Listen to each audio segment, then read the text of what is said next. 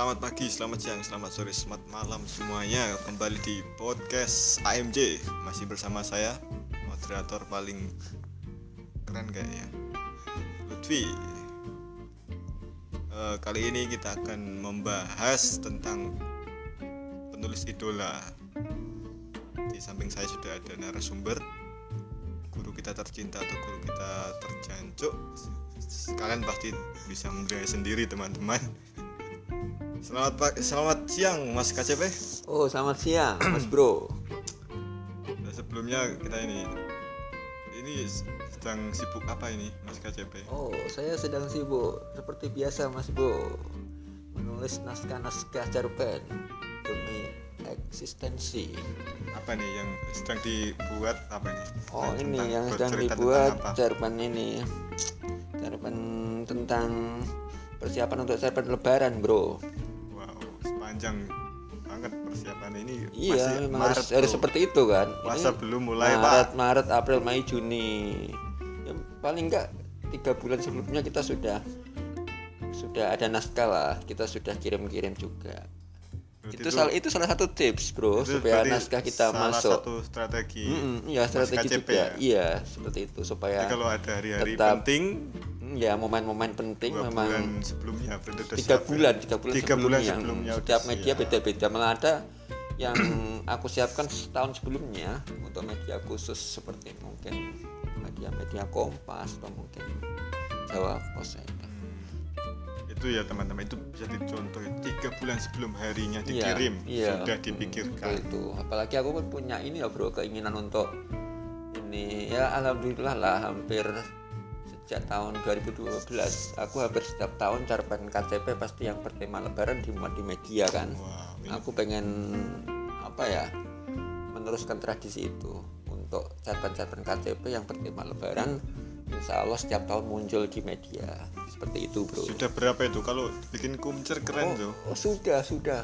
Sudah ada lebaran sekitar hmm, lebaran lebaran. banyak banyak sekali mungkin yang lainnya. paling keren mungkin ada lebaran tanpa bapak ada lebaran dalam semangkok bakso ada lebaran di bui ada ujian di hari lebaran ada yang kemarin di Solo Pos itu. Apa kemarin yang apa permata kiloan permata di hari lebaran.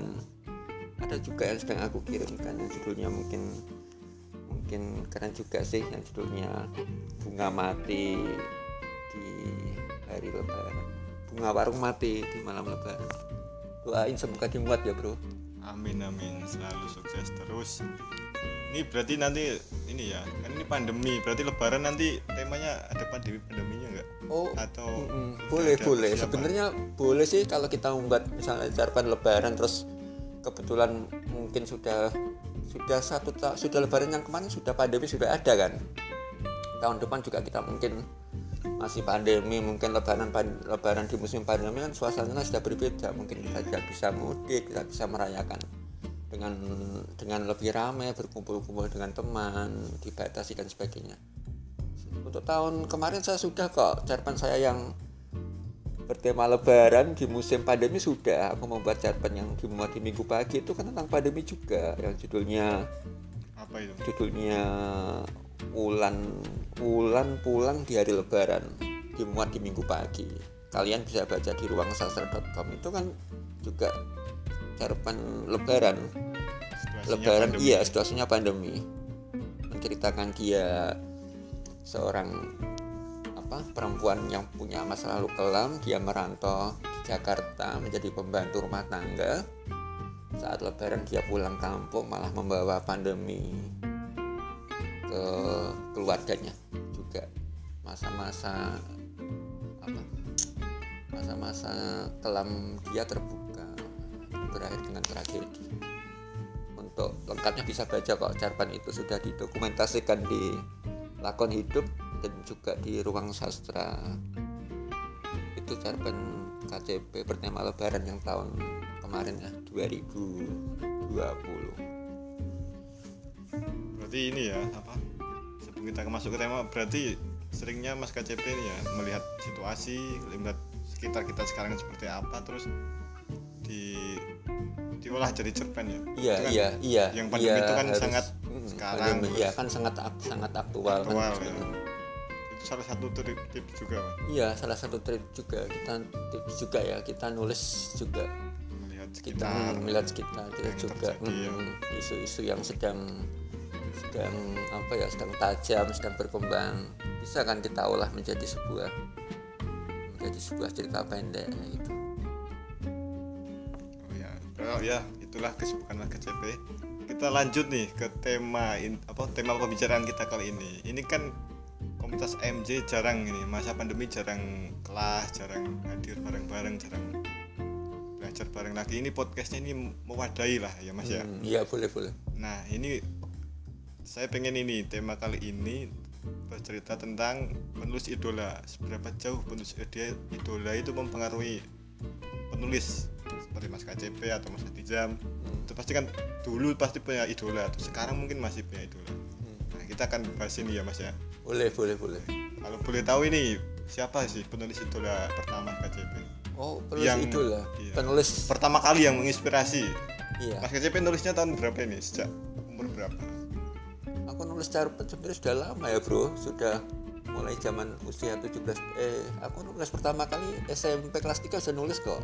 Itu apa itu? Itu cerpen yang masih ale-ale lah. Judulnya aku masih ingat judulnya cerpen remaja lah. Dulu aku kan juga membaca dulu kan zamanku belia kan majalah-majalah banyak beredar majalah-majalah kumpulan cerpen yang isinya romans lah. Misalnya Anita Jamarlang gadis Ingat penulisnya nggak mas? Apa cuma ceritanya aja yang ingat? ingat maksudnya penulisnya siapa Penulis cerpen yang baca itu di majalah. oh maksudnya itu. maksudnya ini tadi pertanyaannya penulis cerpen atau cerpen yang pertama aku tulis Itulah penulismu. oh idol- idola Iya iya. Kalau idola untuk bicara idola sebenarnya banyak Pertama siapa? pertama. Jatuh cinta pertama kepada penulis siapa ini? Pertama ka- kayak aku aku kalau untuk jatuh cinta kayak eh, lebih ke karya ya. Karena aku banyak membaca majalah, membaca buku, membaca kumpulan cerpen, membaca karya-karya. Mulai dari aku SD SMP sepertinya aku kalau dulu-dulu otomatis yang aku ingat ya penulis-penulis yang karyanya banyak ya. Yang banyak yang mungkin sering dimuat hingga aku mungkin hafal di luar kepala mungkin nama-nama yang agak-agak jadul ya Siapa? Siapa ini? Salah satunya siapa itu? Oh, mungkin zaman-zaman dulu ada pengarang yang namanya mungkin salah satunya ya sing dulu-dulu sering muncul ya mungkin siapa ya sing aku masih ingat ya mungkin Mas Arswendo Atmawiloto Mas Wendo. Hmm, mungkin Mas Kurnia Effendi atau mungkin anu siapa Bapak ini sama apa ya Riko Tambunan itu atau siapa agak lupa sih. Yang dari siapa dari desainer dari Sumatera itu siapa sih nah, siapa bro? Ini dari siapa? Se- sekarang masih kok masih beliau masih nulis juga kebanyakan nulis. Sekarang malah lebih ke mungkin cerpen-cerpen bahasa Batak ya. Hmm. selain juga mungkin aku dulu juga suka membaca majalah-majalah rom- dewasa kan majalah umum kan makanya aku hafal juga mungkin penulis-penulis yang nulis-nulis tentang tema-tema yang ke- kehidupan rumah tangga kan Oh, rumah mungkin tangga. tentang penulisnya aku ingat mungkin siapa mungkin ada Laros mungkin zaman itu ada juga yang, Laros. yang perempuan ya Laros, Laros itu sangat siapa, Mas? terkenal zaman Terkenal dulu ya? lah itu terkenal juga dulu termasuk penulis yang menulis berani ya berani dalam arti sebelum ada era zamannya Ayu Utami ya dia menulis sudah. Berani menulis tentang mungkin isu-isu tentang kehidupan rumah tangga dalam dalam apa dalam mungkin lebih ke hal-hal yang ini ya tentang seks tentang hubungan seperti itu. Tapi mungkin dengan bahasa yang belum seberani seperti Ayu Utami ya dulu sudah ada kan penul- penulis yang seperti itu. Laros mungkin Laros lebih berani daripada yang sangka atau mungkin seperti penulis ini siapa? Yang badai pasti berlalu yang Margate atau mungkin Margate, Maria Arjo, Sarjono atau Enda Dini dia dia lebih nulis ke yang mungkin ini ya lebih ke liar dalam tanda kutip ya. Ada juga pengarang-pengarang zaman dulu yang seperti itu. Atau mungkin Mas Mayan Sutrisno dulu juga aku suka membaca cerita Mas Mayan ya. Itu penulis yang termasuk pada tahun 80-an 90-an sangat produktif sekali ya. Dia nulis beragam tulisan mulai dari kabangan dari esai cerpen novel dan sebagainya nama-nama yang belum pernah aku baca semua itu. Iya iya. Jadul sekali ya. Jadul sekali ya. Zaman itu kan Sesuai memang ya, sesuai iya umur. sesuai umur juga kan. Saat itu kan memang yang sekarang sekarang itu belum muncul kan. Memang iya memang cuma tahu namanya tahu namanya tapi nggak terus, mm, baca. itu yang di majalah kan terus aku juga membaca. Kalau idola aku juga membaca dulu juga SMP juga membaca membaca buku-buku mungkin. Yang aku kenal ya memang karya-karyanya Pak. Kalau buku aku lebih kenal ke mungkin Pak Putu Wijaya apa ya drama puisinya mau aku lebih ke suka ke ke novel Ahmad Jarpen ya. Oh novel sama terus Pak siapa lagi yang sangat senior ya dulu ya selain Pak Putu Wijaya Pak ini aku juga suka Pak apa yang sangat sangat produktif yang akhirnya men- siapa kemarin? Yang karya-karyanya agak anu yang tujuh manusia harimau itu siapa? Bro oh ini. Siapa namanya? Aku sempat tertarik gitu. Iya dari dari sum dari Sumatera kan? Siapa ya? Saya saya saya tujuh lagi harimau. Iya. Kepikiran ya? Berarti ya kan nanti kita Iya, ya, iya, aku- cari ya teman-teman yang Hmm. tahu pasti. Pasti ada yang ingat. Cuma aku lupa. Sempat pengen baca. Boleh. Berarti mas KCP ini nggak punya ini idola yang spesifik Iya, Kayak, kalau wah, kalau aku ini nih, mm, kalau nih. aku mengidola kalau menginspirasi mungkin iya ya, tapi yang namanya mengidola termasuk kalau ada pertanyaan seperti itu suka ini ya bro apa su- apa ya bukan sulit sih. Untuk untuk menjawabnya aku lebih suka yang semua terinspirasi lah. Misalnya aku membaca buku-buku sastra mulai dari dari apa angkatan 20 ya. Mungkin dari Merari Siregar dari Salah Asu eh mungkin apa Abdul Aziz ya. Abdul Muiz ya yang Salah Asuhan atau mungkin yang tenggelamnya kapal Van der Wijk yang Hamka itu terus membaca juga lah terus angkatan sesudahnya angkatan 33 dan sebagainya sebagainya. Sampai mungkin buku-buku dulu kan zamanku ada juga sih buku-buku impres itu buku-buku yang tipis-tipis itu. Itu apa ya itu juga bagus-bagus sebenarnya ya. Itu juga ditulis pengarang-pengarang yang yang dalam kategori sastrawan ya. Nulis-nulis juga buku-buku termasuk buku anak juga sih bro. Makanya aku juga nulis buku- nulis cerita anak kan karena memang aku juga membaca semua genre lah saat-saat belia seperti itu. Atau aku termasuk membaca buku anak membaca remaja kadang yang dewasa dewasa juga membaca kan dewasa umum umum sampai akhirnya nanti ada ada fase membaca karya-karya yang mungkin zaman-zaman belia puber membaca karya-karyanya Freddy S atau mungkin wah. Eni Haro ini agak panas ya memang seperti zaman itu juga ada kan ini Carter Stensilan ya kayak punya pengalaman dulu saat sekarang membaca udah nonton kok mas sekarang nonton aja Iya, memang beda kan, memang iya memang beda. Tapi beda kalau kita membaca imajinasi dengan yang nonton kan. Ya tergantung orangnya kan bro. Zaman dulu kan mungkin media apa media audiovisual juga masih terbatas kan. Zaman dulu kita lebih ke banyak buku.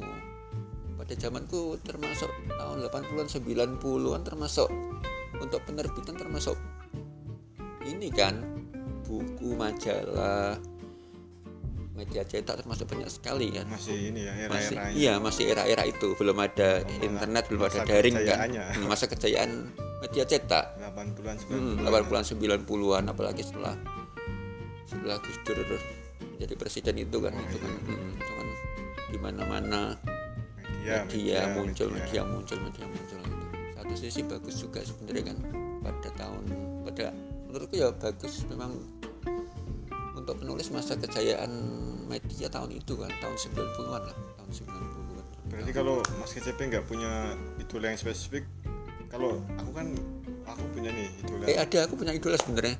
Sampai hari ini mungkin aku yang Punya. masih idola mungkin Pak Pramudia ya. Aku masih terkagum-kagum dengan Pak Pramudia yang tetralogi Pulau Buru ya. Sampai hari ini aku untuk karya sastra aku masih kagum dengan cara beliau menulis ya. Karena menurutku cara beliau menulis sampai kapan pun menurutku membaca karya beliau tidak ini ya. Kita tidak akan bosan kita tetap apa karya beliau cara menulis beliau cara menyampaikan cerita dari gaya bahasa dia tidak kuno juga tidak apa ya tetap bisa mengikuti perkembangan zaman lah sampai Hmm, masih. sampai saat Aku ini masih, bacanya masih enak. masih enak ya masih aku kalau pak sekali. itu aku masih aku masih aku masih mengidola lah pengen masih keren ya itu mas itu ya pak pak pak Pramudia Iya Pramudia Nah kalau sama tadi ya tadi yang itu ya yang tujuh sehari harimau aku juga termasuk senang sebenarnya ya cuma di harimau ya. Yang Iya, kadang Mas. agak nulis termasuk produktif ya. Selain siapa tadi Pak Satangkuti juga sebenarnya senang tentang realis realis itu. Siapa tadi yang tujuh sehari harimau bro? Mungkin teman-teman kita ada yang kenal ya namanya Iya, mung- aku pernah itu pernah pengen baca. siapa jenenge ya? Lupa aku. Itu juga produktif kan? Karena Mohtar Lubis kan harimau. mau tinggo buse. Mau tinggo buse. iya mau tinggo mau tinggo Mau buse. pada pas masaku kan juga mau tinggo buse sangat produktif sekali kan. Cerpen beliau beliau sebenarnya berawal dari yang aku baca biografinya beliau berasal dari eh, berawal dari jurnalis ya dari jurnalis terus menjadi apa berkembang menjadi katakanlah sastrawan. Terus setelah itu beliau berkembang lagi. Apa mungkin apa ya ada pilihan-pilihan dia nulis karya-karya yang mungkin bagi sebagian orang karya sastra yang ngepop kan. Terus malah dia beberapa kali juga nulis karya-karya yang mungkin ini ya ngepop terus juga apa model-model yang mungkin orang menyebutnya karya-karya picisan ya yang membahas tentang skandal itu, skandal ada itu yang punya itu satu di Yang Solo. gitu padahal sebenarnya Yang ngepop ya, bukan iya yang harimau. sebenarnya hmm, sebenarnya beliau beliau termasuk produktif juga kak nulis puisi juga malah salah satu puisinya kan malah tersimpan juga di sebuah museum kan di sebuah museum mana ya? Sebuah negara aku lupa kan dia dia kan namanya tercantum dengan emas di sana. Selain karya-karyanya sebenarnya kalau ini ya itu tadi mungkin karena tuntutan beliau selain menulis apa ya menulis sastra kan juga menulis karya-karya populer tadi. Sampai suatu ketika nanti beliau juga menjadi seorang sutradara kok. Film-film menjadi sutradara film sutradara film-film yang film-film yang populer lah film-film populer. Iya Pak Motinggo Motinggo Buse ya. Motinggo Buse itu nama nama pena kan bukan nama asli. Nama aslinya lupa sih.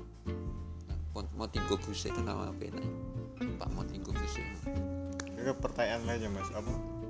nah, Berarti kan masnya ini yang awal-awal baca kan majalah-majalah umum, majalah-majalah remaja. hmm, Nah dulu yang menjadi pemantik untuk wah ini aku kayak asik nih jadi penulis. Oh Hmm. oke nih jadi penulis itu apa mas?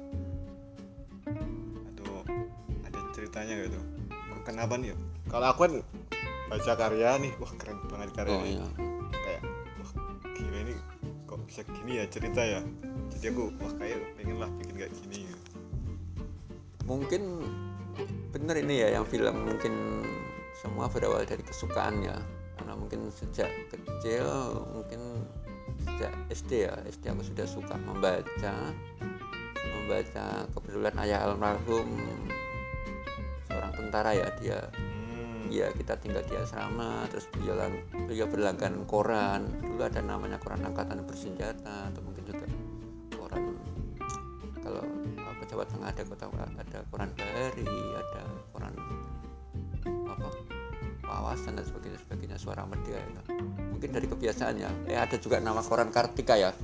Itu namanya seperti saya ya. Itu kalau koran Kartika kalau yang lahir yang besar di tahun 80-an 70 eh 80 90-an tahu ya. Itu koran bagus koran lokal yang di Semarang ya.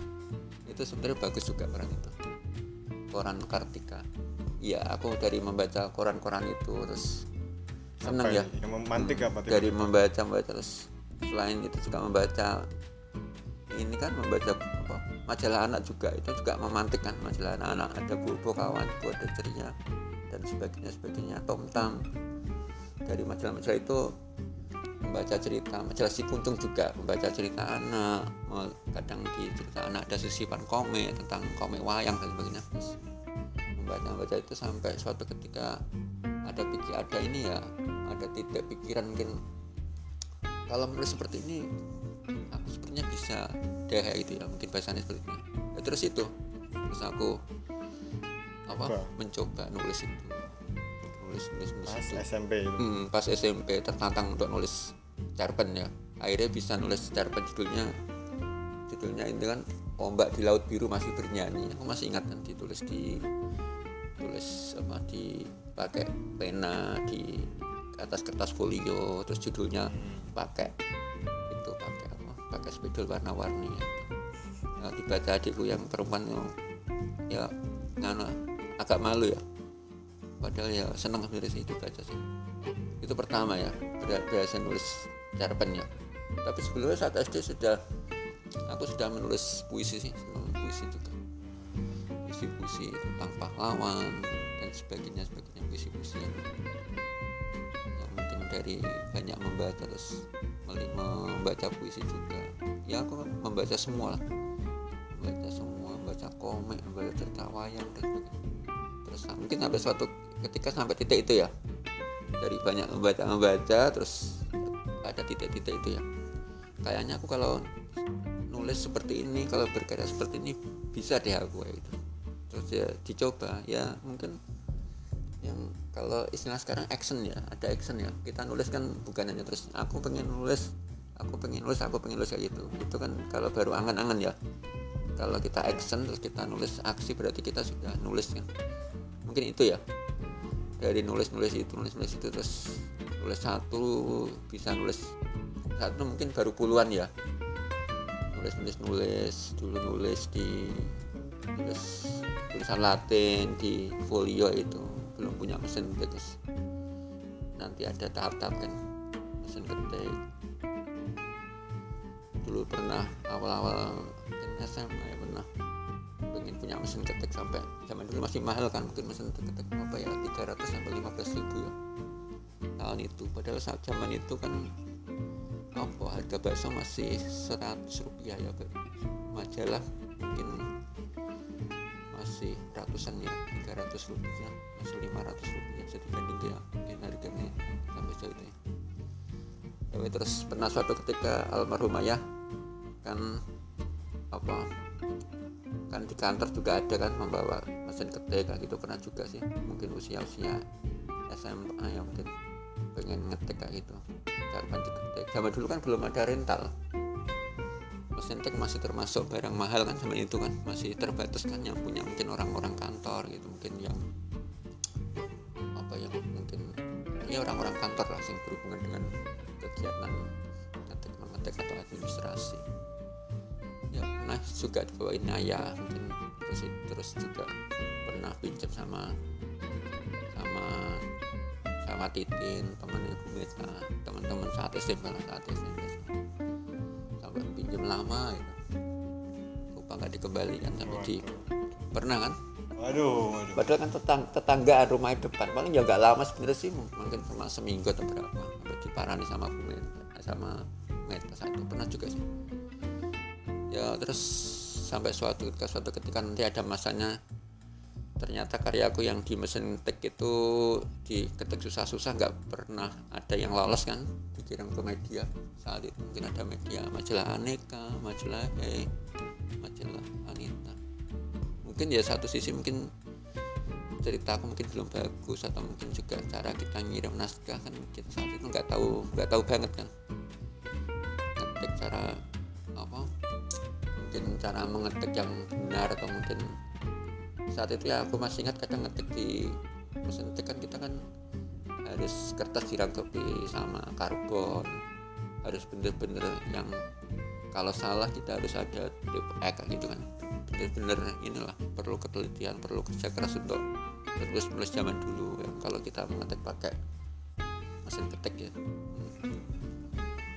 Dan Saat ini ya apa? dan saya nggak ada lah karyaku yang dimuat di media dengan hasil mesin ketik tapi ada yang mungkin beberapa tahun kemudian karya itu tapi aku tulis ulang lagi dengan laptop komputer aku kirim dan dimuat. Mungkin ada juga ya karya-karya seperti itu. Jadi karya-karya zaman dulu.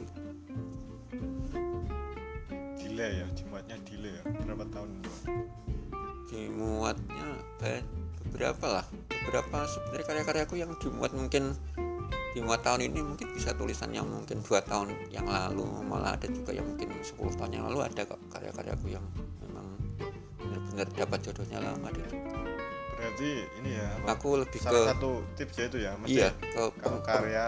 pengendapan. Aku lebih ke kalau menulis aku aku jarang nulis sekali jadi oke nulis sekali jadi boleh. Tapi dalam arti itu tulisan bentuk draft ya. Kalau nulis cerpen draft tangan cepet lah paling. Kalau lagi nulis paling ya sekarang paling cepet 10 menit kurang udah jadilah satu cerpen tapi yang lumayan lama kan saat ngetik saat nget saat dari draft ke pindah ke mesin ketik itu. Setelah eh draft ke mesin ketik atau komputer terus kita ketik itu mungkin butuh butuh jam-jaman ya nulis seperti itu. Terus lebih lama lagi setelah itu kan setelah itu mungkin ada pengendapan yang kadang berhari berminggu kadang berbulan yang lama itu ya. Sampai aku terus nanti beberapa kali pengendapan kontemplasi lah. Terus setelah itu baru aku nanti menemukan kekurangan salah ketik atau mungkin eh setelah itu baru ke penyuntingan ya. Salah ketik dan sebagainya, sebagainya. terus penyuntingan. Penyuntingan itu paling sebenarnya penyuntingan menulis menulis penyuntingan itu paling bagian asik ya untuk menulis penyuntingan ya. Dari penyuntingan kita lebih ke inilah ke paling asik menurutku penyuntingan itu ya penyuntingan kita. Banyak hal sih penyuntingan sih mulai dari jumlah karakter dari itu tadi panjang pendek naskah terus dari kita setelah penyuntingan eh setelah penyunting penyun, sebelum penyuntingan kita nanti ada proses kontemplasi setelah itu kita nanti ini ya semakin lama kontemplasi kita nanti akhirnya menemukan yang namanya iki ya. Kalau dari istilah gua nama istilah apa kita memasukkan roh dalam tulisan kita ya. Makanya kita kadang membaca tulisan ada yang tulisan ini ini kelihatan kalau tulisan yang asal ditulis atau mungkin tulisan yang sudah masuk ke kontemplasi tulisan yang ada pengendapan lama kelihatan seperti itu. Jadi aku biasanya memang setelah proses kontemplasi beberapa kali terus yang roh itu setelah itu penyuntingan lagi ya. Setelah itu baru dikirim ke media. Penyuntingan dalam arti banyak ya kadang penyuntingan panjang pendek naskah kadang penyuntingan penggantian judul. Pokoknya men- men- menyesuaikan media lah aku jadi penulis kan sudah lumayan lah mulai diterbit di media mungkin tahun 2000 makanya 2000-an lah.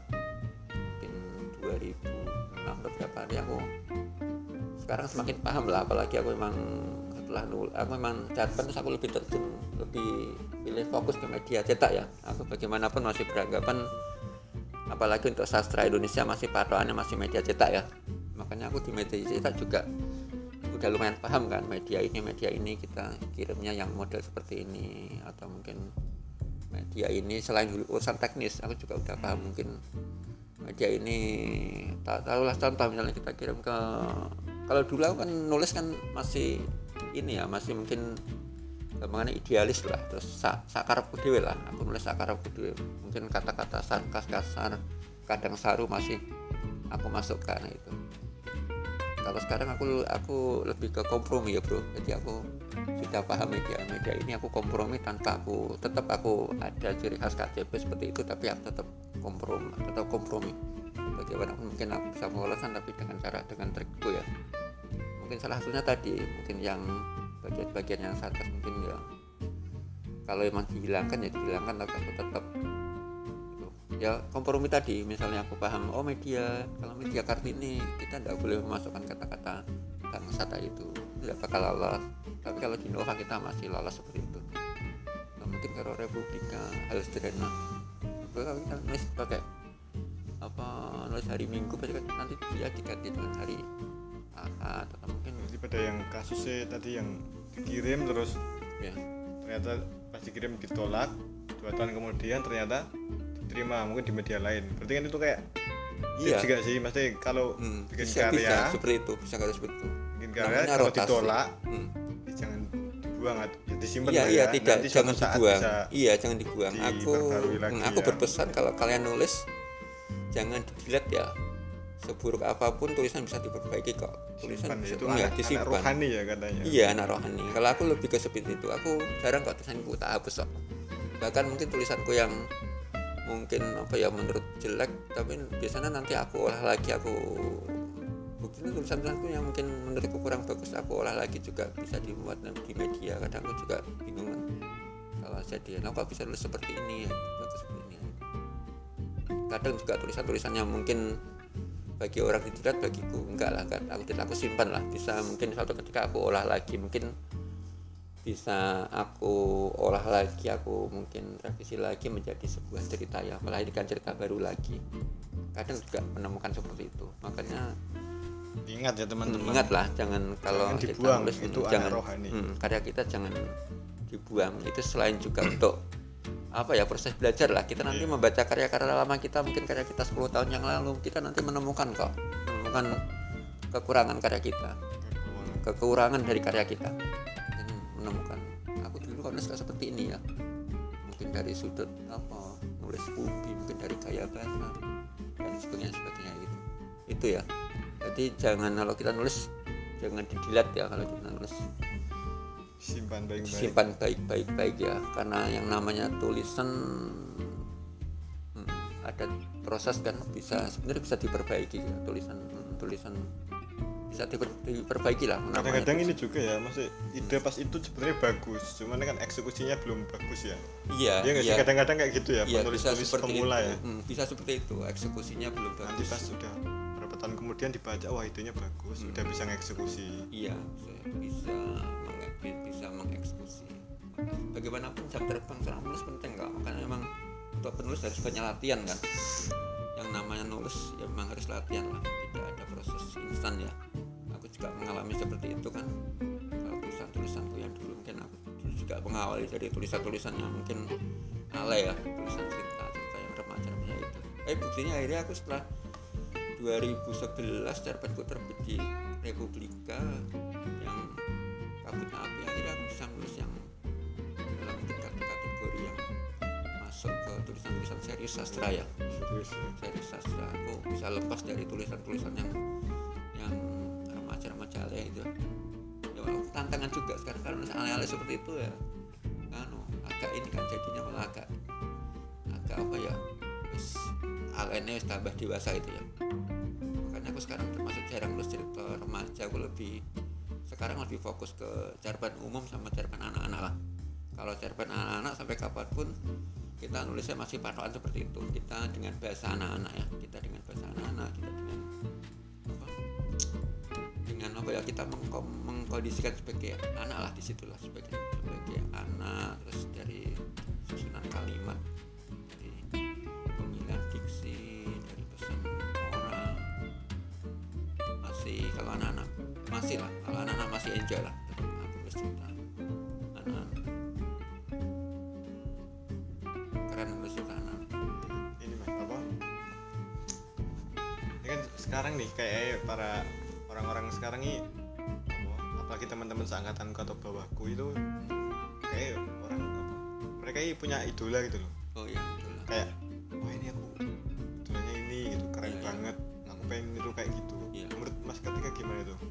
Nggak apa-apa sih. Nggak apa-apa ya Hmm, punya kalau selama punya ide positif boleh. Kita idola dalam arti ini lebih ke ini ya mungkin lebih ke gaya penulisan ya idola ke cara ide dari tulisan kan? Tulisannya. Boleh dah apa idola kan zaman dulu sudah ada mungkin nanti lebih ke bicara epikon saja ya idola. Epikon boleh ya? Epikon boleh tapi jangan plagiat ya.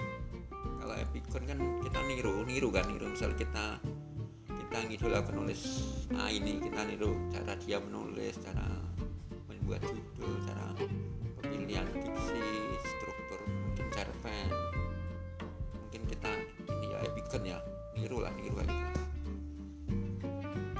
niru-niru tapi ya lebih bagus ya. Niru-niru tapi lama-lama nanti kalau dia tetap berlatih tetap mau berlatih mungkin suatu ketika bisa menemukan ciri khas dia kan. Nggak apa-apa kalau untuk idola untuk selama tujuan tujuannya positif ya. Tujuannya positif dia. Tapi kalau sampai fanatik kayak ini ya nggak Oh. baik ya. nggak nggak baik lah semua lah. Bukan hanya untuk mengidola penulis kan kalau yang semua berhubungan terlalu fanatik. Maksudnya nanti kan jadi apa? Ya pen- penilaiannya kan terus ke apa? Terfokus ke penulis itu gitu loh. Iya iya. Explore ke penulis lain kan jadi kurang gitu kan. Iya iya. Nanti jadinya dia malah epikon lah. Nggak nggak nggak nggak ada lah misalnya penulis siapa ya? Misalnya misalnya kita menyebut menyebut penulis penulis sekarang siapa yang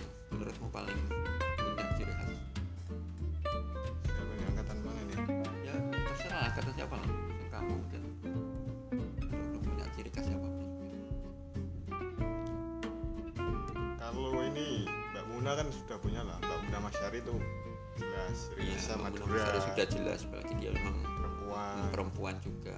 Masih sangat jarang penulis perempuan kan. Iya. terus dia berasal dari Madura juga menulis tentang budaya Madura Munamasari ya kalau M- Munamasari itu kan juga dia menemukan ciri khas berproses kan. Hmm, kalau kita mengamati dari cerpen-cerpen Masari yang awal-awal belum berciri khas Mbak Muna kan yang mungkin kita membaca yang apa yang dimuat di Anida online yang mungkin apa sih, atau mungkin yang dimuat di Republik yang sumur-sumur atau mungkin yang apa wasiat apa yang orang Madura sendiri apa, bro yang senjata khas Madura namanya apa? Iya tarok atau apa itu itu kan juga belum ciri khas Muna kan? Dia masih nulis mungkin salah satu contoh Muna. Kalau sekarang dia kan suka nulis dengan dengan apa? Dengan sudut pandang orang kedua kan? Kalau zaman zaman itu dia kan masih nulis dengan sudut pandang orang ketiga orang ke satu dan seperti itu mungkin bisa ditemukan dalam cerpennya Mbak Muna yang itu kan yang Rokatase itu kan? Itu di situ cerpen Mbak Muna mulai dari yang dulu-dulu dimuat tahun awal-awal dia menulis sampai yang kasar tanah ada di situ. Jadi kita sebenarnya bisa kok dari membaca karya-karya pengarang kita bisa menemukan kan bagaimana proses kreatif dia bagaimana perjalanan dia menulis. Kita bisa bagaimana progresnya dia. Mungkin akhirnya dia bisa menemukan ciri khas kan ciri khas oh ini loh kalau kita membaca otomatis kita menemukan karya Mbak Munam oh ini Munam Masari itu atau mungkin zaman atau mungkin teman sastrawan lain juga ada yang menurutku sudah punya khas misalnya mas misalnya Guntur Alam kan. Guntur Alam juga kalau kalau mungkin sampai hari ini kalau membaca kita sudah tahu ya. Guntur oh ini Guntur Alam. Muara Enim daerah mana Kalimantan Selatan ya. Yang menulis dengan diksi-diksi khas daerah situ ya. Diksi-diksi daerah situ. Walaupun mungkin ada penulis lain yang mungkin hampir mirip mungkin Beni Arnas dari Lubuk Linggo Sumatera Selatan. Tapi kalau kita mempelajari dari cara dari gaya dari gaya penulisan kita tahu kok oh kalau yang ini Guntur Alam ini Beni Arnas. Salah satunya mungkin dari pemilihan diksi juga. Seperti itu. Kan ya sebenarnya lebih bagus sih kalau kita kita memang sudah punya pura bisa punya ciri khas ya. Kalau kita sudah punya ciri khas. Tapi untuk yang ke sana jelas itu prosesnya panjang. Ke sana iya yang ke sana yang jelas ke sana kita butuh proses ya. kita proses panjang ya. Dan kita ini saja kok untuk ciri khas mungkin kita tidak bisa ini ya apa ya mengklaim ya lebih ke kalau ciri khas mungkin lebih ke pembaca saja ya pembaca mungkin bisa menemukan ya. Suatu ketika ada pembaca menemukan ya oh mas KTP sudah punya ciri khas penulisan seperti ini. Jadi kalau yang membaca untuk saya pribadi ya dia sudah paham oh, tulisannya mas KTP ya aku sedang berproses ke sana juga ya temanya Hmm. ini nih ini teman-teman kita kan banyak yang sibuk sepertinya sampai nggak ada yang bisa datang ke kelas Oh. seringnya kan sepi ya kelasnya ya Hmm, iya. ini apa nih nasihat pesan-pesan dari Mas KJP untuk mereka apa ini buat teman-teman atau misalnya oh kalau sibuk jangan jangan lupa untuk atau gimana nih nasihatnya sebagai ya sebenarnya kembali ke teman-teman kan tujuan dia ikut komunitas tujuan dia ikut berlatih menulis itu apa itu motivasinya apa motivasinya sebesar apa terus tujuannya apa. Ini juga bisa kalau misalnya dia tujuan ikut komunitas pengen mencari jodoh. Wah, ini apa ini kalau belum maksudnya? menemukan jodoh ya harus tetap berjuang kan? Menulis Kenapa kenapa? Kau bisa nih? ini jadi gosip ini? Kenapa Menulis- siapa yang nyari jodoh menulis sama seperti itu bro. Kalau menulis juga sama seperti itu kan? Misalnya itu pengen kita Maksudnya? menulis pengen dimuat di media kita nulis nulis kirim ke media terus kirim ke media. Itu kalau pengen tujuannya ya? Atau mungkin pengen menuliskan buku ya? Nulis nulis nulis iya sampai nih ayolah teman-teman EJ kita bikin apa nih? Sebesar sebenarnya kita ramekan lagi ya bukan bikin ya ramekan lagi. Tapi ya Sebenarnya- masih pandemi ya. Iya kapan nanti kita bisa buka kelas ini kok buka kelas lewat podcast atau kelas lewat podcast Video, juga podcast gak bisa dua arah tolong dong. Apa apa, pesan-pesannya apa? Tetap semangat Ya, teman-teman. Tetap semangat kapan-kapan tetap semangat ya. atau gimana? Hmm, ya kapan-kapan kumpul. Kita kan tiada acara agenda ini dah bro. Meluncurkan antologi cerpen AMJ kan kalau menurut pendapatku ya walaupun kita pelatihannya sekarang hari Rabu tapi kita nanti bisa berlatih kita tetap untuk untuk peluncuran atau untuk bedah kita mungkin nanti tetap bisa mengambil hari Sabtu kan kita nanti supaya yang pembedahnya mungkin nanti rencana Mas Widya Mas Widya sama Mbak Santi kan memang liburnya kan hari Sabtu. Jadi kita menghargai lah kalau memang beliau harus dihadir ya kita sesuaikan waktu saja. Hari Sabtu hari Sabtu juga kebetulan nanti Mbak siapa itu yang rumahnya? Itu yang rumahnya oh Mbak Nirma. Eh kok Nirma Mbak Mima. Mbak Mima kan juga liburnya hari Sabtu jadi dia nanti datang datang bisa datang.